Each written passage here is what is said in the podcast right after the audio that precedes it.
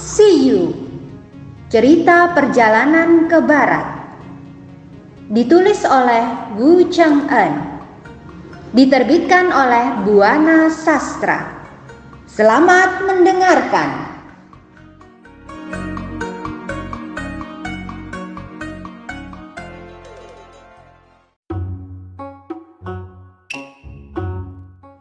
Ajaib, bukan angin yang keluar dari kipas tapi api. Ke mana saja kipas itu dikibaskan, maka di sana timbul kebakaran. Banyak pohon dan rumput-rumput kering yang berkobar jadi lautan api. Burung-burung dan binatang lain yang ketakutan kabur menjadi selamat.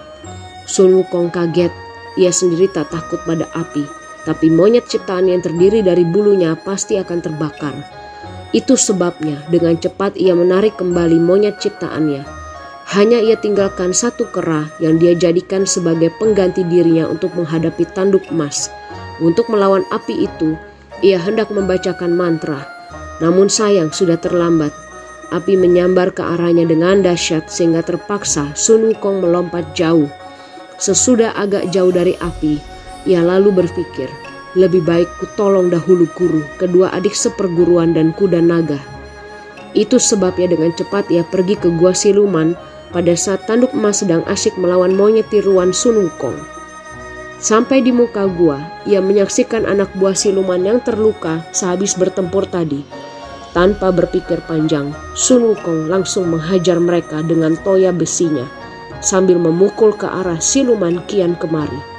Sun Wukong berusaha menerobos masuk ke gua. Begitu sampai ke dalam gua, Sun Wukong jadi kaget sebab di tempat ini terdapat api besar berkobar. Sesudah agak lama dan Sun Wukong tak merasakan panasnya api, ia jadi heran. Lalu ia mengawasi ke ruang yang ada cahaya api itu. Sesudah ia dekati, ternyata cahaya bersinar kuning seperti cahaya api itu datang dari vas giok yang ditinggalkan oleh tanduk emas. Ah, kiranya vas giok wasiat milik siluman, kata Sun Wukong dengan sigap, Sun Wukong mengambil wasiat itu, kemudian dengan buru-buru berlari keluar gua. Saat itu, ia lupa pada tujuannya untuk menyelamatkan gurunya. Saat itu, kebetulan tanduk emas sedang memasuki gua. Karena sama-sama cepat dan Sun Wukong kurang waspada, mereka jadi berhadapan. Sun Wukong sudah tak mungkin menghindar lagi. Tanduk emas sendiri langsung menyerang Sun Wukong. Satu-satunya cara untuk menyelamatkan diri dari serangan bahaya itu adalah Sun Wukong terpaksa berjumpalitan sehingga serangan lawan luput. Dengan cepat Sun Wukong menghilang. Tanduk emas gusar menyaksikan bangkai-bangkai anak-anak buahnya. Ia tampak bingung dan sedih. Kemudian ia masuk ke gua. Di dalam gua bertambah sunyi. Hal ini membuat dia bertambah bingung. Kemudian tanduk emas duduk di meja batu. Pedang ia tancap di sampingnya sedang kipas wasiatnya ia selipkan di pinggangnya. Karena bertempur hebat dengan Sun Wukong tadi, tanduk emas tampak lelah. Tanpa terasa ia tertidur di meja batu.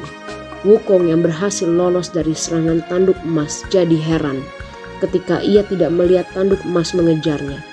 Ia menunggu beberapa saat, tapi sesudah sekian lama siluman itu tak muncul. Ke mana perginya siluman itu? Tanya Wukong dalam hati. Ah, lebih baik ku tolong guru dahulu, pikirnya lagi. Kemudian Wukong kembali ke muka gua. Ia lihat pintu gua tidak ditutup. Maka dengan langkah perlahan-lahan, ia masuk ke gua. Sun Wukong hendak menolong Tan San Chang dan kawan-kawannya. Tapi begitu sampai di ruang tempat tadi ia mengambil vas giok, ia lihat tanduk emas sedang tidur lelap. Di samping tertancap pedang wasiat sedang pada pinggungnya terselip kipas wasiat. Melihat tanduk emas tidur, Sun Wukong sangat senang. Dengan hati-hati, Sun Wukong mendekati siluman itu dari belakangnya. Cepat, luar biasa, tangan Sun Wukong menyambar ke arah kipas. Kipas bisa ia tarik, tapi sayang rambut siluman yang menyangkut di kipas itu tertarik. Siluman itu bangun karena kaget, tapi Sun Wukong sudah berhasil merebut kipasnya. Tanduk emas terbangun dengan kaget menyaksikan Sun Wukong berhasil merebut kipasnya. Tanduk emas gusar. Ia langsung menyerang Sun Wukong dengan pedangnya. Tapi Sun Wukong sudah sempat melompat mundur dan kabur keluar gua. Dengan cepat Wukong menggantung kipas hasil rampasan ke pinggangnya. Kemudian ia bersiap menyambut serangan tanduk emas. Tak lama tanduk emas sudah berhasil menyusul Sun Wukong. Namun dengan gesit Sun Wukong melawan. Pertempuran hebat kembali berlangsung. Tapi sesudah bertempur selama 40 jurus, tanduk emas mulai tak sanggup menghadapi serangan Sun Wukong yang hebat. Maka dengan terpaksa, ia melompat mundur, kemudian kabur ke arah tenggara. Tanduk emas kabur ke arah Gua Naga, menyaksikan lawannya kabur dan karena hari sudah sore, Sun Wukong tak mengejar lawannya. Ia lalu masuk ke gua. Sekarang ia dengan tenang bisa membebaskan guru Sang Wuching Sun Paiche dan kuda putih gurunya. Wukong, terima kasih, kata Tan Sancang. Ke mana siluman-siluman itu? Tanduk perak sudah hancur dalam buli-buli ini, kata Sun Wukong sambil menunjuk ke buli-buli wasiat yang tergantung di pinggangnya. Sedangkan tanduk emas kabur entah ke mana. Syukurlah kalau begitu, untung ada kau. Kalau tidak, entah bagaimana jadinya aku dan kedua saudara seperguruanmu, kata Tang Sancang. Pace dan Wucing pun menghanturkan terima kasih. Kau pasti lelah, kata Tan Sancang. Ah, tidak seberapa. Malah guru yang kecapean karena digantung, kata Wuko. Sun Wuko mengisahkan pengalamannya sampai ia berhasil merebut wasiat milik siluman. Kakak, boleh aku melihat buli-bulinya, kata Pace. Apa betul tanduk perak sudah hancur dalam buli-buli itu? Sun Wukong memperlihatkan semua wasiat hasil rampasan dari siluman itu. Kepada Pace, ia memperingatkan agar tak membuka tutup buli-buli itu. Jika kau buka dan ternyata siluman itu sakti dan punya ilmu tinggi, dia bisa kabur lagi, kata Sun Wukong. Sesudah puas, Sun Wukong menyimpan kembali semua jimat. Kemudian Pace dan Wu Qing sibuk memasak nasi. Sesudah mereka makan, terpaksa malam itu mereka bermalam di gua siluman. Dikisahkan tanduk emas yang sudah sampai di Gua Naga. Di tempat ini, tanduk emas bertemu dengan anak buah ibunya. Kemudian ia menceritakan perihal ibunya yang telah binasa bersama tanduk perak.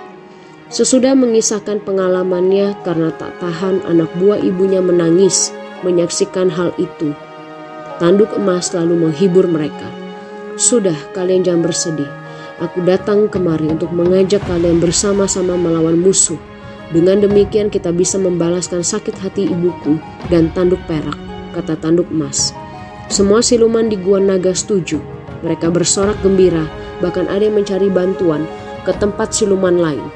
Tak lama kabar bantuan sudah datang. Bagus, kata tanduk emas. Mari kita sambut mereka. Ternyata bantuan itu datang dari saudara kandung ibu tanduk emas yang bernama Siluman Raja Sabta Rubah. Mendengar keterangan dari tanduk emas, bahwa ibunya dan tanduk perak sudah mati, Raja Sabtaruba marah. Dia pun sebenarnya sudah mendengar kabar itu. Maka sebelum datang permintaan bantuan, dia sudah datang bersama anak buahnya. Kepada pamannya, tanduk emas mengisahkan pengalamannya bertempur dengan Sun Wukong. Dia amat sakti sehingga ibu tanduk perak serta rakyatku habis dan kami kalah, kata tanduk emas. Mendengar keterangan tanduk emas, bukan main marahnya Raja Sabta Rubah. Hmm, kalau begitu, mari kita cari mereka, kata Raja Sabta Rubah. Baik, Paman, kata tanduk emas. Dengan cepat mereka bersiap-siap, lalu berangkat menuju gua bunga lotus. Pagi itu, Tan Sancang bersama murid-murid yang sudah bangun, bahkan mereka juga sudah memasak nasi dan sarapan pagi. Saat mereka sudah bersiap-siap akan meninggalkan tempat itu, mereka dikejutkan oleh datangnya angin kencang secara tiba-tiba. Guru, tunggu, kata Sun Wukong yang agak curiga. Sun Wukong keluar gua dengan maksud untuk menyelidiki. Benar saja, sampai di depan gua, Sun Wukong melihat kedatangan tanduk emas bersama para anak buahnya. Dengan cepat Sun Wukong kembali ke dalam gua. Pace, Wucing, bersiap-siaplah. Musuh datang bersama bala bantuannya seru Sun Wukong. Mendengar siluman datang lagi bersama bala bantuannya, Tan Sansang amat terkejut. Oh, celaka, bagaimana ini? Bagaimana muridku? Sancang panik. Tenang, guru, ada aku, Pace dan Wucing. Bujuk Wukong yang sudah siap menyambut musuh. Sun Wukong membawa semua jimat hasil rampasannya dari siluman. Pace, kau ikut aku. Wucing, kau jaga guru, kata Sun Wukong. Di depan gua, Sun Wukong melihat ada siluman yang belum ia kenal. Itu pasti siluman yang akan membantu tanduk emas. Siluman itu sudah mengatur anak buahnya. Siluman itu berpakaian bagus, sekalipun wajahnya pucat, ia berjenggot dan berkumis merah. Siluman itu membawa tombak bercagak. Dia adalah Raja Sabta Rubah, paman Raja Tanduk Merah. Hai kunyu kurang ajar, berani benar kau curi jimat keponakanku dan membunuh ibu dan adiknya. Kau juga kurang ajar berani menempati gua kami setelah membasmi anak buah kami. Sekarang kau ulurkan batang lehermu supaya bisa kutebas. Dengan demikian kakak perempuanku tidak jadi arwah penaksaran di akhirat. Seru Raja Sabta rubah penuh dendam. Siluman, kau cari mati. Belum kenal siapa aku. Dengar baik-baik. Aku adalah kakek moyangmu bernama Sun Wukong. Jika kau tak mau menyingkir, kau rasakan senjataku ini. Balas Sun Wukong sambil berlari maju untuk menyerang. Melihat Sun Wukong datang ke arahnya, Raja Sabtaruba menangkis serangan itu. Kemudian ia membalasnya. Pertempuran berlangsung hebat. Namun baru berapa jurus ternyata ilmu silat Raja Sabtarubah tak seberapa. Karena merasa tak sanggup melawan Sun Wukong, Raja Sabtarubah kabur. Sun Wukong mengejar lawan-lawannya. Namun tiba-tiba saja Raja Tanduk Merah menghadang. Maka terjadilah pertempuran baru antara Sun Wukong dengan Tanduk Emas. Melihat tanduk emas bertempur dengan Sun Wukong, Raja Sabta rubah kembali lagi. Maka sekarang Sun Wukong dikepung oleh dua siluman. Namun tetap Sun Wukong dengan gagah melawan musuh-musuhnya. Melihat Sun Wukong dikepung oleh dua lawan, Pai Che tak mau tinggal diam. Ia maju dan ikut bertempur. Sekarang pertempuran satu lawan satu bertambah seru. Karena tanduk emas menyadari tak mungkin bisa memenangkan pertempuran, ia memberi isyarat pada anak buahnya dari Gua Naga.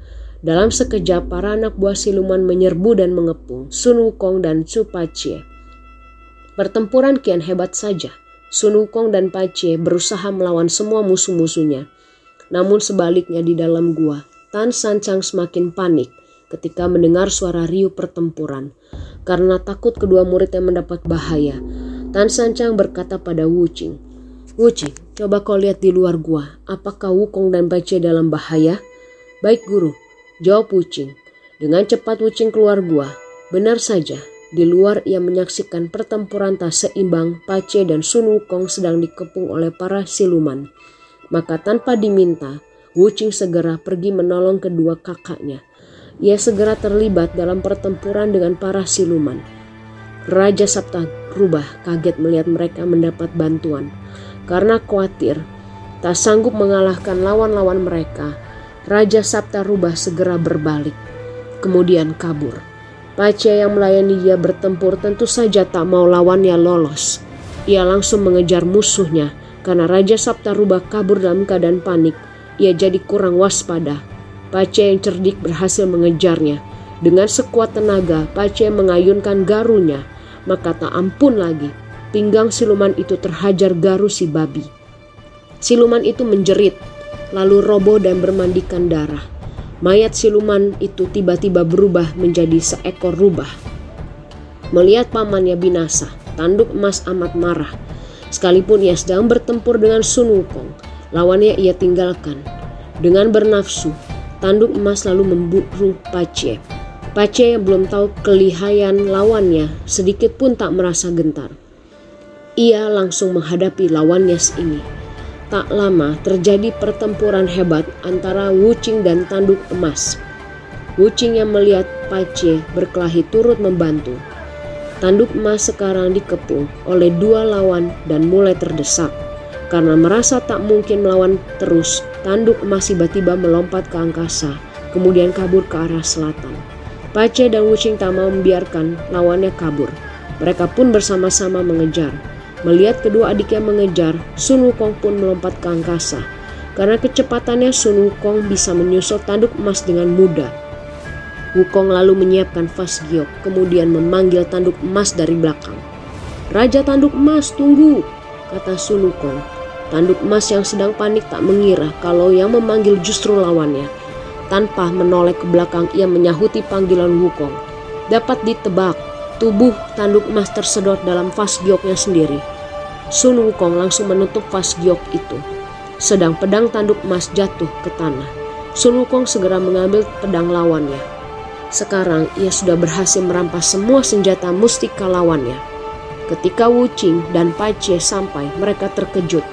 Kakak, kau berhasil merampas pedang siluman itu, tapi mana silumannya? Tanya Pai Chie. Dia sudah tersedot ke dalam vas giok, jawab Ukong sambil tertawa.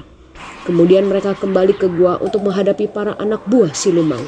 Sesudah membasmi anak buah siluman, Sun Wukong dan kedua adik seperguruannya masuk ke dalam gua untuk menemui Tan Sancang. Tan Sancang sedang duduk menunggu murid-muridnya. Lalu Sun Wukong melapor bahwa para siluman sudah habis dibasmi. Mendengar keterangan itu, Tan Sancang tersenyum lega Kemudian mereka bersiap-siap untuk melanjutkan perjalanan. Namun, baru berjalan beberapa li, tiba-tiba ada seorang yang menahan kendali kuda sancang. Kembalikan jimatku, seru orang itu.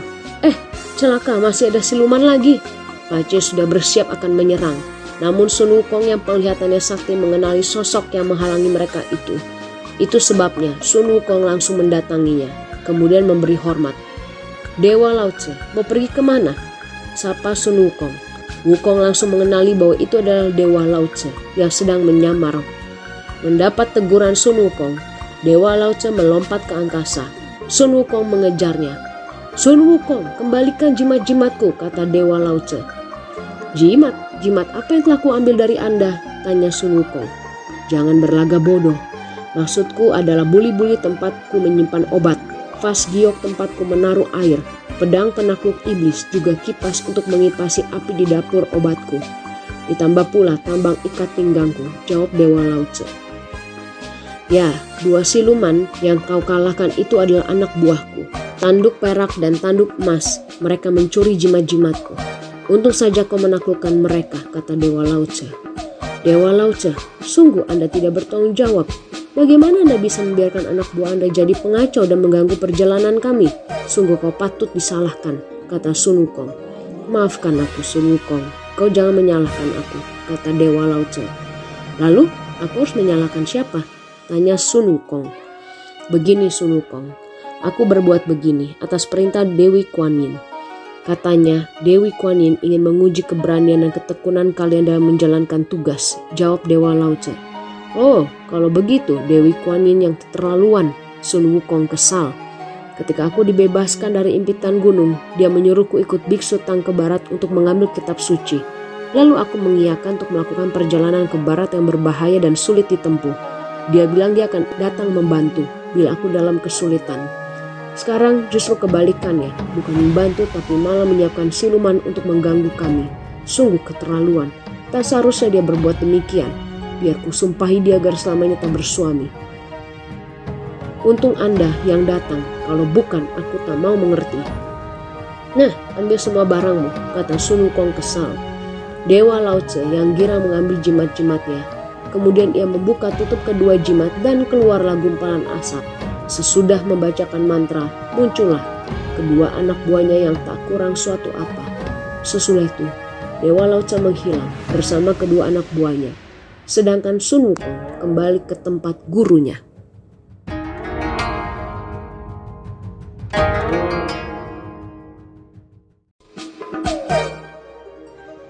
Dengarkan kisah selanjutnya dengan teman membaca yang lain. Terima kasih.